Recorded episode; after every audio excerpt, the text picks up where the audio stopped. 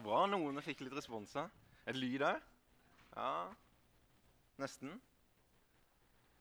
Det er jo flott å kunne komme opp to søndager på rad. Det er Godt å se dere. For dere som er nye, så driver vi altså med Efeserbrevet denne høsten eller dette året. Og for dere som har vært her, så vet vi at det, det er her vi driver med for tida. Ikke for å ha en sånn skylappforkynnelse, at vi bare skal fokusere på én ting i Bibelen av gangen, men for å bruke Efeserbrevet som et springbrett til å forstå Guds hensikt for oss, og at vi skal forstå flere deler av det Bibelen egentlig kaller oss til og utruster oss til. Og Forrige uke begynte vi på Efeserne kapittel 2.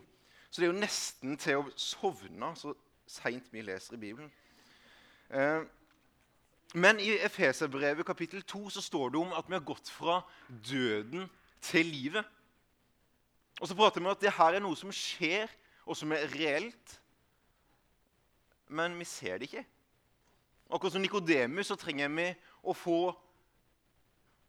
altså hjertets øyne til å åpnes, sånn at vi skjønner at det har skjedd, men vi ser det ikke.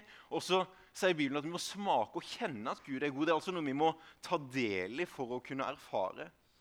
Og så så vi etterpå at ja, det er jo pga. Guds nåde at vi har fått del i det her. Av nåde er dere frelst ved tro. Og så vil jeg da konsentrere meg om det siste som står i den teksten som jeg har fått tildelt. At vi er altså hans verk, skapt i Kristus Jesus til gode gjerninger, som Gud på forhånd har lagt ferdig for at vi skal kunne vandre i det. Når vi har greid å komme oss igjennom Efeserbrevet kapittel 1, så har vi virkelig fått rotfesta oss i at det her handler om Jesus. At vi er skjult i Kristus, i Gud. At vi kan putte vårt håp til mange forskjellige ting, men det er bare i Kristus som vi finner vår plass, vår frihet, vår autoritet og vårt kall. Og så er vi poda inn i en ny familie der det er Gud som er pappaen vår, og vi er blitt sønner. Og Beklager til dere damer, men en bruker ordet 'sønner', og vi gutter må tenke at vi er jo brudgommer. Eh, nei, Kristi brud. Så sånn, sånn, er det. Vi må forholde oss til litt ulike roller her. Men vi har altså adoptert inn en ny familie. Men til nå så Og det kommer videre i Efeserbrevet, men så står det ikke så mye om den siste personen i treenigheten. Og når Paulus skal prate til denne menigheten, som er veldig ivrig, men som eh, ja, som har sitt å stri med, og skal avslutte det siste brevet, der, så sier han at nå hilser jeg dere med Jesu Kristi nåde. Pass på at dere har Jesu Kristi nåde hos dere. At dere er i Kristus, og at dere har Guds kjærlighet hos dere. Og Den hellige ånds samfunn med dere alle. Og Ordet samfunn er kononeia, som egentlig betyr bare fellesskap. Å ha noe til felles med. Og Jeg leste en bibelkommentar som egentlig sa at den beste måten å forklare ordet fellesskap eller ha samfunn med, er som en du danser med. Og jeg suger på å danse. Og når man skal bruke metaforer, så bør man jo prate om en metafor som mange greier å relatere seg til. og jeg tror det er den dårligste forsamlinga å bruke ordet dans eh, på, å kunne, på å kunne beskrive Den hellige ånd. Eh, og jeg fikk bekrefta det sjøl da jeg var i bryllup i Ålesund for tre uker siden. Jeg tenkte jo på når jeg fikk A i sving når jeg gikk ut av høyskolen eh, på kroppsøving. Så jeg tenker Når det da kommer et bryllup, så selvfølgelig får jeg til det her. Og så er det sånn prøvekurs kvelden før. Da skal vi liksom øve oss på de her dansene. Og jeg frimodig stiller opp, og selvfølgelig får jeg det her til. Og så går runde etter runde, og så får jeg det ikke til. Og jeg ble sånn skuffa over meg sjøl og innser jo at det er noen sånn grunnleggende ting jeg ikke får til her. da. For det første så liker jeg nok å lede sjøl, ha kontrollen. Og så liker jeg nok uh, å ha mine egne rytmer. Jeg passer ikke så godt inn i andres rytmer. Og så liker jeg å huske det neste steget. Og jeg måtte alltid se på den personen foran meg for å huske det neste steget. Så jeg lå alltid litt etter. Men jeg skal også prøve å prate om dette fellesskapet med Den hellige ånd som en dans. At vi skal danse med Den hellige ånd. Og Fra høyskolen da er det jo bare selvfølgelig teorien, jeg husker ikke noen andre ting, men så er det én dans som bare brant seg fast i meg. Og det er quickstep. Og den går sånn. Rolig, rolig, raskt, raskt, rolig. Rolig, rolig, raskt, raskt, rolig. Kan ikke alle si det sammen? da? Rolig, rolig. Raskt, raskt. Rolig. Så skal du ha en tittel til det jeg skal snakke om i dag. Så er den sånn Rolig, rolig. Raskt, raskt. Rolig. Og, og Hvis vi tar et minutt og bare tenker over israelsfolket Tenk det, da, i ørkenen. Plutselig så letta denne skya, denne flammen, over tabernakelet. Og da var de på vandring. Det står i, i andre Mosebok vers, kapittel 40, vers 36, at hver gang skyen løfta seg fra boligen, så brøt israelsfolket opp og dro videre på sine vandringer. Men når skyen ikke løfta seg, så brøt de ikke opp, for den dagen den løfta seg igjen. Og Herrens sky lå over boligen om dagen, og om natten lyste den som en ild for øynene på hele Israels hus så lenge vandringen varte. Så i de 40 år i ørkenen så, så måtte de bare vente de, på at et eller annet skjer. Og da måtte de pakke sammen, og så visste de ikke om de skulle være på vandring et halvt døgn eller i tre måneder. Og så måtte de stoppe opp igjen. De så altså noen foran seg som de måtte respondere på. Og det finnes jo ikke noe bedre innledning til talen enn det som åpninga hadde.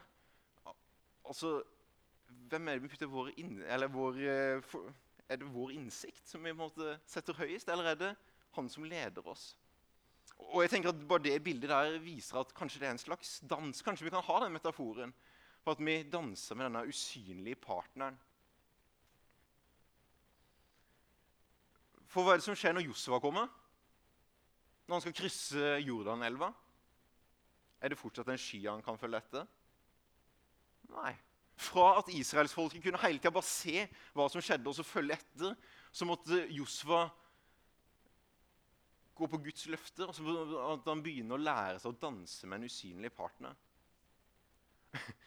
og så føler dere Josfa, da, som har sagt han hører fra Gud at ja, nå skal dere krysse Jordanelva. Den renner over sine bredder. Det er Ikke sjans at mennesker kan gå over Jordanelva i den, eh, den sesongen som det var i. Og så sier Gud at jo, gå over der, og så skal du gå først med, med prestene, levitene, som skal holde uh, tempelkista. Og skal dere begynne å gå over. Han har 2000 mennesker bak seg. Skal prøve å krysse en elv som ikke går an å krysse. Og så skjer det jo ikke noe før de stiger ned i vannet. Og da stopper det. Josfa måtte lære seg å danse med en usynlig partner. Åssen var det med disiplene, da? Hvis de trengte et bønnesvar, så kunne de bare gå til Jesus. Det. Nei, nå synes jeg det her er litt vanskelig, og så, så, går de til Jesus. Og så har de tre år sammen med Jesus. Og når Jesus reiser, så står de opp og så ser de oppover mot skya. Hva skal vi gjøre nå? Og Så kommer det to engler og så lurer de på hvorfor står dere og ser oppover. Har ikke dere fått et oppdrag? Jo, så jeg går og venter på en usynlig partner. Og Dere må ikke finne på å gjøre noe som helst før Den hellige ånd fyller dere sånn at dere kan begynne å vandre sammen med han og lære dere han å kjenne. Og Som kristne så blir jo Den hellige ånd som regel omtalt som og sånn. Hva tror du på, da? Jo, Gud og Jesus og sånn. Og så, og så forsvinner egentlig Den hellige ånd. Men dette er altså en person som ønsker å ta oss med sånn at vi kan være hans verk i Kristus Jesus og skapt til gode gjerninger.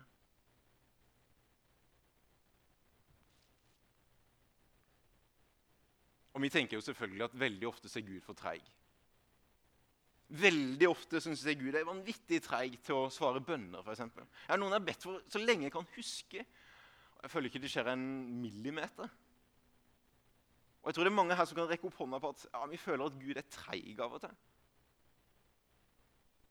Men i 1. Peter 3,9 så står det Herren er ikke treig med å oppfylle løftet sitt, som noen mener. Han er tålmodig med dere. For han vil ikke at noen skal gå fortapt, men at alle skal nå fram til omvendelse. Og så er det Noen ganger vi tenker at Gud er altfor rask. Sånn som når kvinnene plutselig så en tom grav i Matteus 28, så sa, Jesus, sa eh, engelen til damene, 'Fort dere og fortell det som har skjedd.'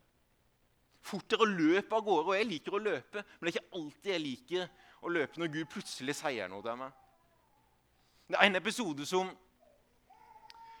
der jeg følte at sånn, Oi, nå må jeg plutselig reagere. Det er en veldig rar historie. Det er en av mine dårligere øyeblikk. for å være helt ærlig.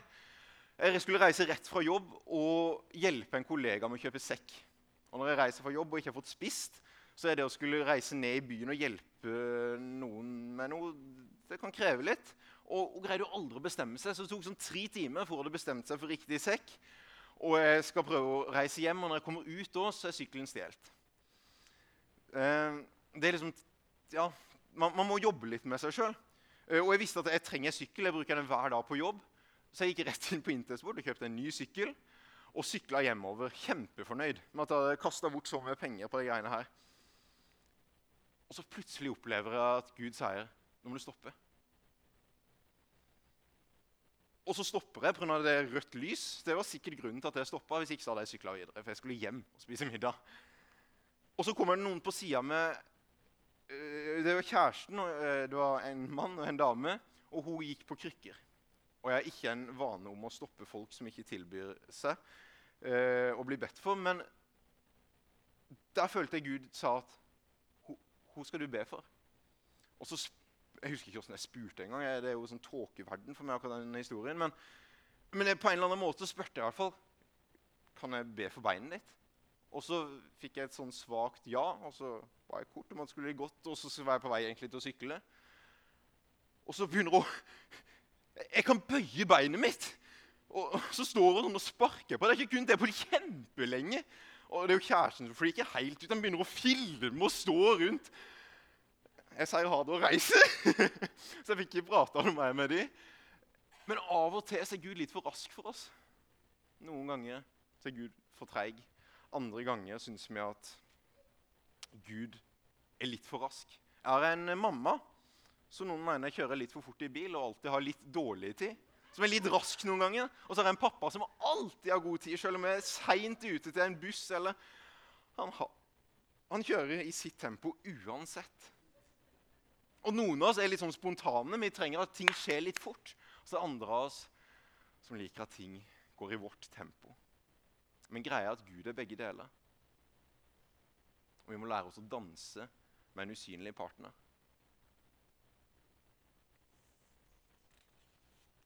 Og det her måtte jo disiplene òg lære seg. Det er ikke sånn at det her var sånn selvsagt for dem. I Apostlenes gjerninger 16,6 så leser vi om, eh, om, Paulus.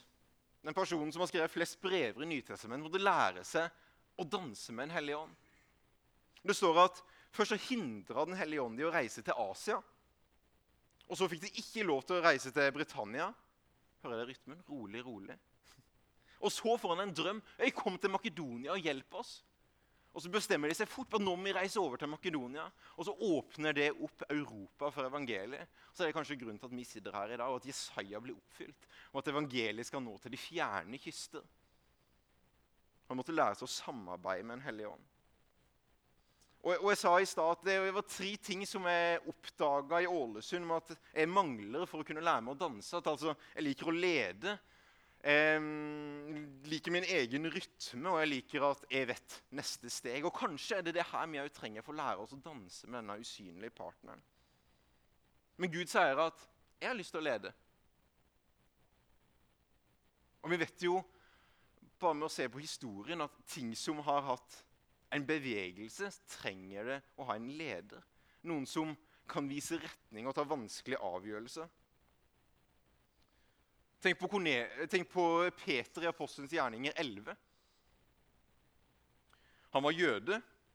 Han visste fra barndommen sin at sånn, jeg går selvfølgelig ikke inn i huset til en hedning. Det er bare galt. Og han hadde ennå ikke skjønt Jesus' sin hensikt med at det her skal nå ut til hedningfolket. Men så får han en visjon om at det du ser på som ureint, det ser jeg på som reint. Og nå kommer det snart noen, og da skal du bli med det. Og så dunker jeg det på døra, og så sier jeg ja, 'Bli med meg', for det er en mann med navn Kornelius som uh, har bruk for det. Og det her går fullt imot Peters logikk. Det gir ikke mening logisk for Peter å bli med denne gjengen og skulle forkynne evangeliet til Kornelius' hus. Men når han kommer der, så faller Guds ånd på det. Og så skjønner han oi, evangeliet er for hedningene. Av og til må vi, la, må vi la Gud lede. Eller Barnabas, som har hørt at nå kommer Saul inn til byen. Den mannen som forfølger kirka, som dreper kristne, som setter dem i fengsel.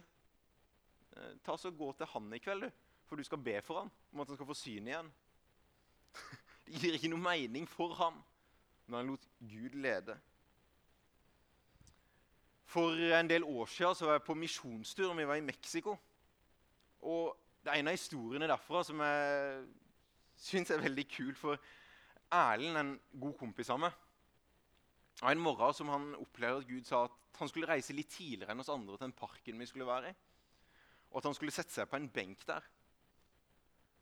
Og Frimodig som han da var, så reiste han litt tidligere enn oss andre og så satte seg på en benk. Men den benken satt allerede noen fra før. Og Så setter han seg ned sammen med denne mannen, og han sitter først en stund. Han, han kan ikke spansk, og denne fyren her snakker jo spansk. Så han må vente denne eh, tolken kommer etter hvert. Men de sitter der i stillhet og venter litt.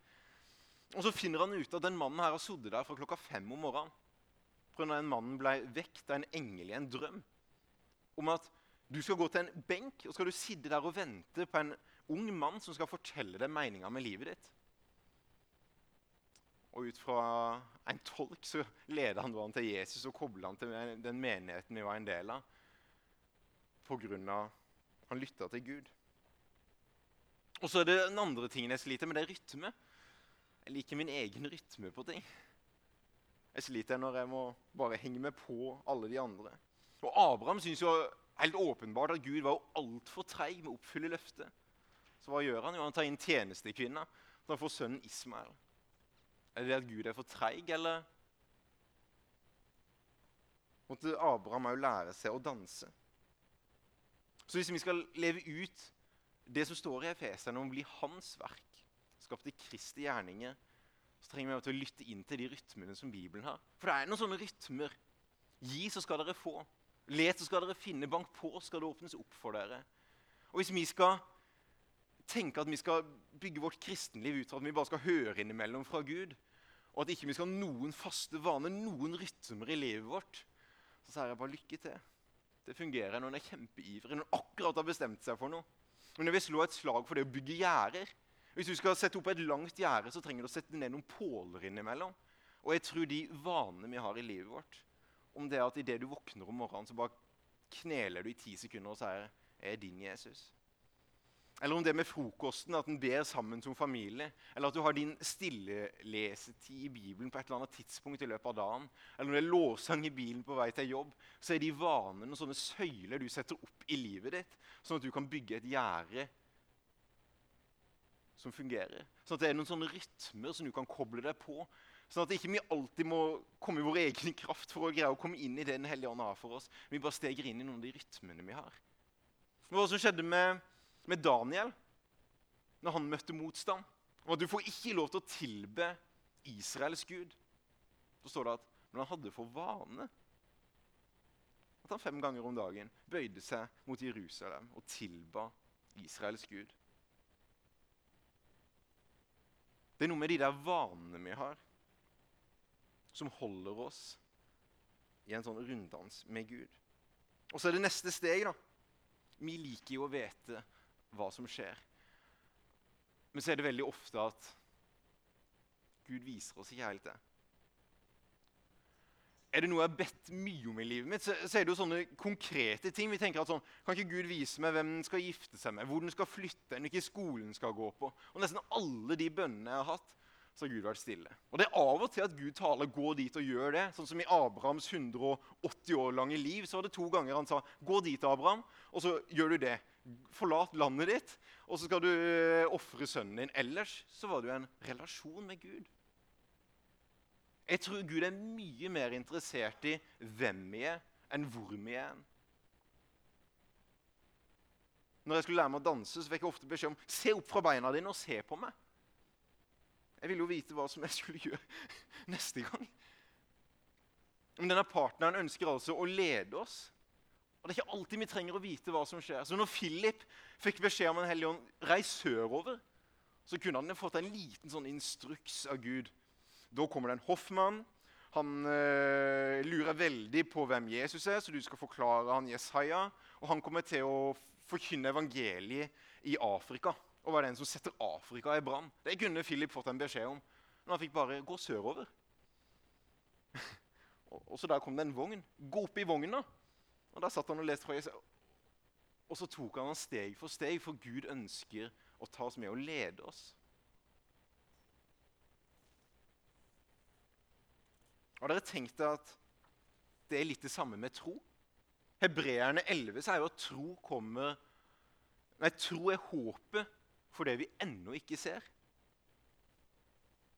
Altså hvis La oss si at jeg ber for noe. Og jeg tror at det skal skje, men jeg ser ikke at det skjer ennå. Så er det håpet mitt som er den tro, altså, eh, tro er håp for det jeg ennå ikke ser. Og det står videre i Hebreerne at du kan bare ære Gud ved hjelp av tro. Så det betyr at de bønnene vi ber, som vi ennå ikke har fått svar på, er en fantastisk måte å ære Gud. Jeg tror at det skal komme et gjennombrudd, men jeg ser det ikke ennå. Jeg har troa på det usynlige. Det å danse med den usynlige partneren. Og den påstanden jeg hadde i stad om at jeg, jeg, tror Gud er enda mer interessert i hvem vi er, enn hvor vi er, så kan vi bare se på hva er åndens frukt. Det som skal på en måte være fruktene at vi blir fylt med en hellig ånd, jo, det er kjærlighet det er glede, det er fred, det er ovenbærenhet, det er vennlighet, det er godhet, det er trofasthet. Så kunne det stått stedsbevissthet. Men det gjør det ikke. Eller, eller hva er det Gud prøver å lære israelsfolket med sabbaten? Én ting er at vi trenger å hvile, men kanskje enda mer at stoler dere på meg? I en jordbrukskultur der du selvfølgelig måtte ta opp ting på de dagene det, det var, stoler dere på at dere fortsatt kommer til å ha nok mat, selv om dere Trekker dere tilbake den dagen? Eller det sjuende året så skulle de la jorda ligge brakk? Stoler dere på meg? At dere får nok det sjette året, sånn at dere kan danse med en usynlig partner? I Jakob 1,19 så står det Dette må dere vite, mine kjære søsken. Enhver skal være rask til å høre og seint til å tale og seint til å bli sint. For sinne hos et menneske fører ikke til det som er rett. Legg da av det urene og all ondskap, og ta ydmykt imot det ordet sier, som er plantet i dere, og som har makt til å frelse sjelene deres. Dere må gjøre det ordet sier, og ikke bare høre det. Ellers vil dere bedra dere selv. For den som hører ordet, men ikke gjør det Ordet sier ligner en mann som ser ansiktet sitt i et speil. Han ser på det og går sin vei og glemmer straks hvordan han så ut. Men den som ser inn i frihetens fullkomne lov og fortsetter med det, blir ikke en glemsom hører, men en gjerningens gjøre. Et slikt menneske skal være lykkelig i all sin gjerning. Så da har vi litt over fem minutter på de fem dansestegene. Og noen av dansestegene dere har hørt allerede her. Det er noen ting vi skal være sakte på, og noen ting vi skal være raske på. Så steg nummer én vær sein til å tale. Her kan vi alle lære mye av. Og, og, de her stegene her er såpass utfordrende at jeg tror nesten vi i fellesskap og i kor vi burde egentlig hatt et orgel der vi måtte bare synge sånn Kyrie eleison-teologi på slutten. At Gud har nåde til oss. For vi trenger å ha nåde av Gud for å kunne være med å danse de her stegene med Den hellige ånd. Det er utfordrende. Men det første er altså å være sein til å tale. Og jeg tror En av de største barrierene vi har i å samarbeide med Den hellige ånd, er orda vi sier. Jeg tror Gud, eller Det står jo i Jakob 1,26 videre i den teksten jeg leste, at den som mener at han dyrker Gud, men ikke holder tungen i tømme, bedrar seg sjøl. Og hans gudsdyrkelse er uten verdi. Og jeg tror Når vi kritiserer og er negative, så stenger vi litt av for Guds påvirkning i livet vårt. Det er liksom at vi slipper litt tak i, den usynlige partneren. Og Hvis vi er tilbake til Efeserne 2,2, så var det jo før, når vi var døde, så lot vi oss lede av herskerne i dette himmelrommet. Men nå lar vi oss lede av noen andre. Og Det står jo i Bibelen at det er bare Gud som kjenner våre hjerters indre tanker. Jeg tror ikke djevelen kjenner til de. Så la oss være forsiktige med de ordene vi bruker. La oss være forsiktige så ikke vi påvirker noe i en måte som er negativt. At vi prater negativt om noen. At vi snakker ned noe som burde vært snakka opp. For jeg tror Gud ønsker å bruke oss til å snakke positivt. Snakke liv, og at ordene våre kan være med å skape og forme. Gud er en Gud som taler, og han ønsker å bruke oss. Steg nummer to Vær sein til å bli sint. Efeserne 4,6 er at la ikke vreden komme nedover dere. La ikke djevelen få et fotfeste. Det greske ordet er topas, altså en dvelingsplass hos dere. Så vær sein å bli sint. Trenger vi noen ganger å bli sint? Jeg tror det. Spesielt når det er på vegne av andre. Sånn hellig vrede. At det her er urett. Det her ønsker jeg å gjøre noe med. Og så fins det den sintheten som ikke leder noe som helst vei. Når du kjører og har litt dårlig tid, men du er flink til å ligge i fartsgrensa, og så på øh, forbikjøringsfeltet så drar det en forbi deg og legger seg inn foran, og så sakker han ned 20 km i timen under fartsgrensa.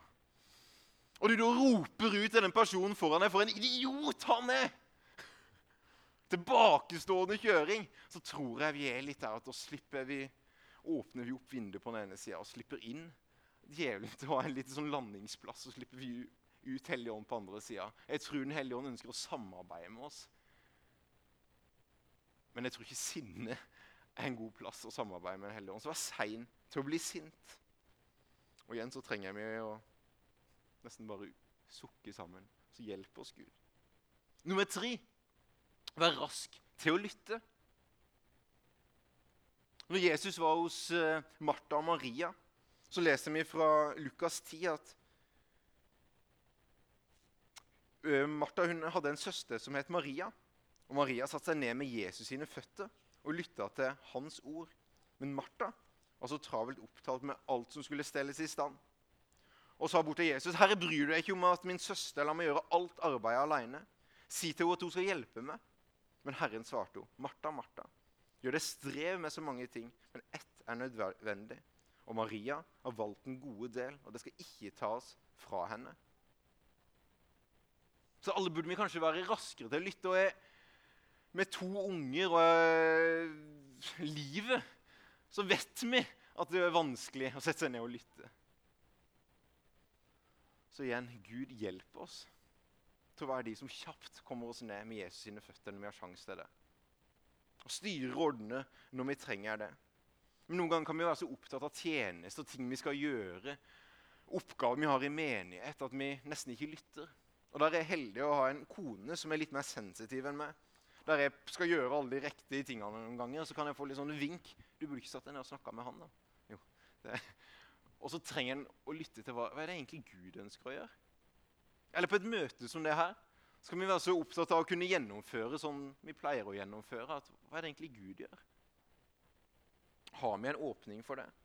Nummer fire vær rask til å adlyde. For Vi tenker jo veldig ofte at så lenge vi har noen vaner om at vi kommer på gudstjeneste og gjør de her tjenestene våre, så bygger vi altså huset vårt på fjell. Men, men Jesus sier at hva er den som hører disse mine ord og gjør det de sier? Han er en klok mann som bygde huset sitt på fjell. Og regnet styrta, og elvene flomma, og vindene blåste og slo mot huset. Det betyr altså at sjøl de som gjør det ordet sier, de møter stormer i livet. Det er ikke sånn at de er spart for noe mer. Men når det stormer, så blir huset stående. Den som hører ordet og gjør etter det, en smart mann som byr huset sitt på fjell. Så rask til å adlyde. Noen ganger trenger vi, idet vi hører at, ah, eller kjenner at det her jobber litt med meg, kanskje vi må prøve å praktisere det med en gang. At det kan være den viktigste tingen vi kan gjøre. At av og til når vi leser Bibelen, og så kommer vi over et eller annet Oi, kanskje bare skulle lagt fra oss Bibelen og så sett kan, kan jeg praktisere det på noen måte? Være rask til å adlyde. Jeg hadde en episode for noen år siden der, der jeg opplevde at du må forte deg, Knut Olav. Og jeg var på jobb og jeg var ferdig med det jeg skulle gjøre. Men jeg tenkte å måtte bli igjen og prate litt. Men du må forte deg. Og så tenkte jeg ikke helt hva som var grunnen til det. Men jeg forta meg ut. Og Der sto det en kollega på utsida som jeg kom i prat med. Og Han begynner å klage over at uh, han sliter med, sliter med, et kne. Det ser ut som jeg bare bryr meg om knær. Men, uh, men jeg får bedt for han, og han blir god i det kneet. Og Det åpner opp for en helt annen relasjon med denne kollegaen som en assistent på skolen jeg jobba. Der vi kommer i masse gode prater. og Han blir nysgjerrig på, på kristentro og blir med på noen møter. og Av og til så må vi bare prøve å kjappe til å adlyde, selv om vi ikke helt skjønner hva det er. Og så kommer det siste steget, være sein til å glemme. Det står for den som hører ordet, men ikke gjør det den sier, ligner en mann som ser på ansiktet sitt som i et speil. Han ser det og går sin vei og glemmer straks hvordan han så ut. Så det bildet som Jakob beskriver, er egentlig at okay, jeg ser i et speil. Og hva ser jeg i speilet? Eller hva pleier vi å se i et speil? Det er jo selvbildet vårt. sant? Vi ser oss sjøl i et speil. Men den som ser inn i et speil og ser som om det skulle vært den fullkomne loven Og hvem er den fullkomne loven? Det er jo Jesus. Så når vi ser vårt ansikt som i et speil og ser inn i en fullkomne lov og fortsetter med det Altså Vi ser oss sjøl som om vi skulle sett Kristus. At vi ser ah, det, det, er mye ting jeg burde fikse på her, men Kristus i meg håp om herlighet. Så går vi bort og så glemmer vi ikke det vi har gjort. Han blir en gjerningens gjører. Så er sein til å glemme. Og jeg tror noen av oss så handler det bare om at vi leser Bibelen altfor kjapt. Vi må komme oss igjennom det der kapittelet, og så ja, han har gjort min duty for i dag. Og så går vi videre. Noen ganger så trenger vi bare å bruke litt mer tid. Se inn i den fullkomne loven og være der litt. La Den hellige ånd jobbe litt med oss.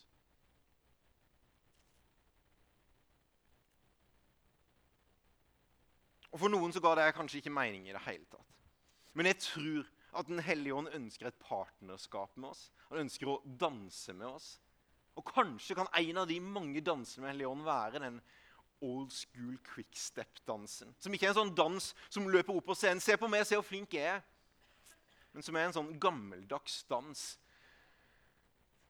som er bak i rommet, der tilfredsstillelsen er når du får til noe som kanskje ingen andre ser. Men i samarbeid med din partner så får dere til noe magisk. Denne dansen som ikke Se hvor flink jeg er til det, eller som ikke handler så mye om dette rommet her i det hele tatt. Jeg tror Den hellige ånd er dette er en påstand, men enda mer opptatt av å virke oss på utsida av dette rommet enn inni dette rommet. Den første gangen Hellige Ånd er nevnt i Bibelen, i tredje Mosebok, så er det for å bygge tempelet. For å gi snekkerne visdom til hvordan de kunne bygge det her fint nok. Så kanskje kan det være en oppfordring til å invitere Den hellige ånd med i dagliglivet, i familiekaoset og danse litt med Gud. Rolig, rolig. Sein til å Sein til til å tale, sein til å bli sint. Rask til å lytte, rask til å adlyde og sein til å glemme. Og For noen så er kanskje responsen her at sånn, denne fyren har ikke jeg hørt om. Og kanskje vi trenger å ta imot ham for første gang. Og andre av dere så Selvfølgelig har han levd og vært med denne partneren i hele livet, men kanskje må ta tak i hendene igjen. Hva er det du ønsker å vise meg nå, Hellige Ånd? For noen så sier den bare og tenker at jeg skjønner ingenting, jeg vil hjem. Og alle delene kan vi snart tilfredsstille med at møtet snart er over. Men vi åpner opp for lovsang. Spør Den hellige ånd. Hva har du for meg? Er det noen av de punktene med å danse denne dansen som appellerer til meg. Er Det noen ting jeg må være raskere til å gjøre, noen ting jeg må litt seinere til å gjøre.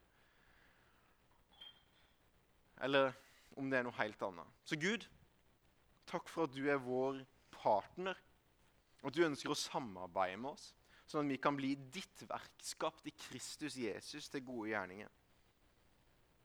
Du ønsker å bruke oss, Jesus.